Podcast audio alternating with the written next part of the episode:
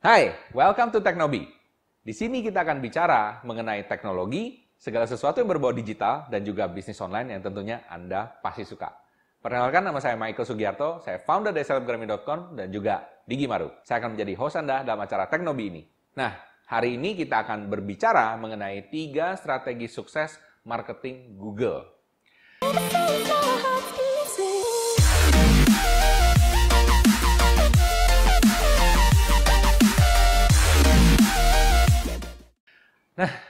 Mungkin belum banyak dari teman-teman yang tahu bahwa Google ini sebenarnya nggak lama-lama banget loh.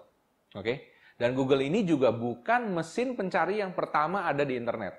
Zaman dahulu sebelum Google, ada yang namanya Lycos, Excite, dan kemudian terakhir itu adalah Yahoo. Yang lucunya lagi, dulu Google itu pernah menawarkan dirinya untuk dibeli oleh Yahoo. Tapi yang lucu, Yahoo tidak mau membeli Google. Oke, sekarang nyesal banget tuh kan? Karena sekarang Google jauh lebih besar daripada Yahoo dan Yahoo-nya malah bangkrut, oke, okay? ditutup dan ganti dan lain sebagainya. So, itulah. Jadi kalau misalnya Anda baru mulai startup, jangan takut. Karena yang sekarang di atas belum tentu sama lamanya di atas, oke? Okay? Anda bisa jadi yang baru dan mungkin bisa lebih besar dari mereka. Nah, saya akan berbicara hari ini uh, mengenai tiga strategi sukses daripada marketingnya Google. Apa yang membuat Google itu berbeda? Padahal dia bukan jadi yang pertama. Simplicity. Jadi tampilan Google pertama kali sangat simple. Hanya satu search bar, Anda uh, search dan kemudian keluar hasilnya. Tapi zaman dahulu, ketika Google pertama kali mulai, semua yang namanya mesin mencari itu modelnya kayak directory. Tahu nggak sih directory? Directory itu kayak yellow pages loh.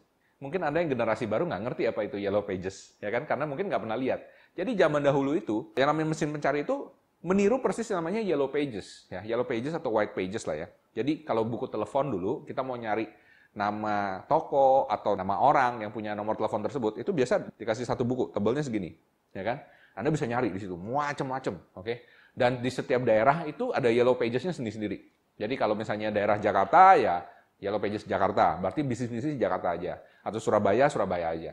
Nah, Mesin pencari yang dahulu seperti Lycos, Excite, dan Yahoo itu meniru seperti itu. Tapi kemudian Google mikir, susah ya maksudnya kalau misalnya ada ribuan atau ratusan ribu atau jutaan ya data, gimana caranya search supaya gampang? Karena zaman dahulu misalnya saya mau nyari kafe di Jalan Darmo Surabaya misalnya kayak gitu ya. Anda harus cari gitu loh. Maksudnya beruntun gitu ya. Tapi kalau di Google dia nggak mau. Dia justru maunya Anda ketik kafe Surabaya Darmo langsung keluar. Oke? Okay? Nah, itulah hebatnya. Jadi Google ini punya misi, ya. Misinya itu adalah bagaimana membuat informasi di dunia ini terindeks dengan rapi dan bagus. Oke? Okay? Itu terjemahan lepasnya bahasa Indonesianya. Nanti bahasa Inggrisnya Anda cari sendiri ya. Oke. okay. Jadi, salah satu keunggulan Google yang membedakan dia dengan yang lainnya pada saat dia pertama kali keluar adalah simplisitas. Kemudian, of course, sesudah Google sukses, yang lain malah meniru si Google ini. Channel domination.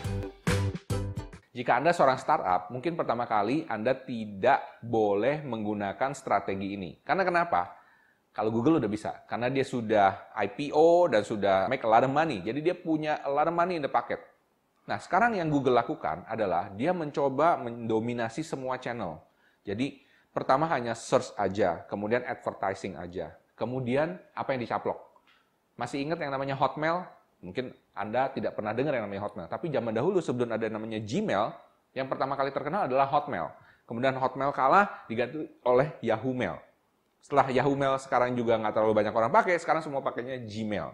Ya, itu pertama satu Gmail. Kemudian algoritma Maps ya. Sebelum Google Maps yang sekarang kita sering pakai ke mana-mana, itu ada satu aplikasi lain yang Maps juga, oke? Okay? Tapi sayangnya uh, tidak berhasil atau mungkin kalau nggak salah mungkin dicaplok oleh Google. Sekarang Google juga sudah mengeluarkan aplikasi sejenis Microsoft Office dan family-nya, yaitu di Google Drive. Anda bisa bikin Excel, Anda bisa bikin Word, dan lain sebagainya di Google Drive dan semuanya dilakukan secara online dan gratis. Anda tidak perlu bayar. Oke. Okay?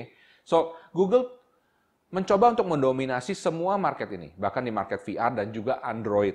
Ya kan? Android itu dibuat memang sengaja untuk melawan Apple, iOS yang waktu itu baru keluar dengan iPhone-nya. Nah, itulah strategi Google bagaimana dia mencoba mendominasi semua channel. Tapi tujuannya sebenarnya sederhana, cuma satu. Apa sih tujuannya? Tujuannya adalah gimana caranya jual iklannya Google AdWords. Nah, itu dia. Banyak orang mungkin nggak ngerti, kenapa Google repot-repot bikin Google Maps, ngapain dia repot-repot bikin Gmail, ngapain dia repot-repot bikin Android, dan lain sebagainya produk-produk Google yang banyak. ya Nggak semuanya sukses, ada juga yang gagal. Tapi semua ini cuma diarahkan untuk menjual yang namanya advertising. Advertising dari Google itu sendiri. Open source system.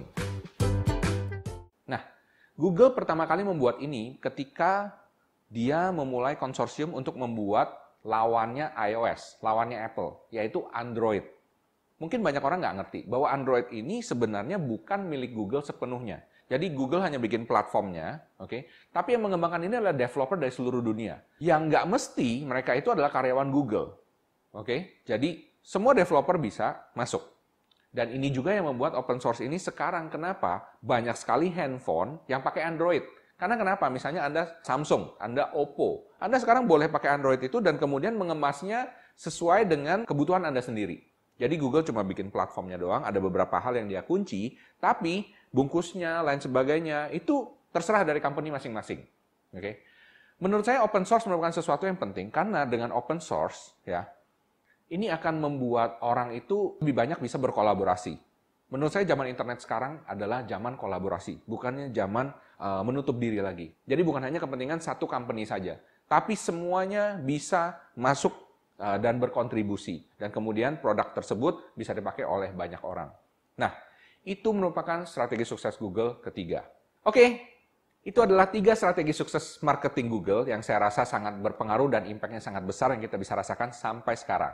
Jangan lupa untuk like dan subscribe video ini dan juga komen below jika Anda suka dengan video ini atau punya ide-ide lain mengenai digital marketing atau online atau teknologi yang ingin saya bahas. Dan kemudian jangan lupa juga cek dua video sebelah sini, saya yakin pasti ada yang Anda suka. Oke, sampai jumpa. Salam hebat, luar biasa.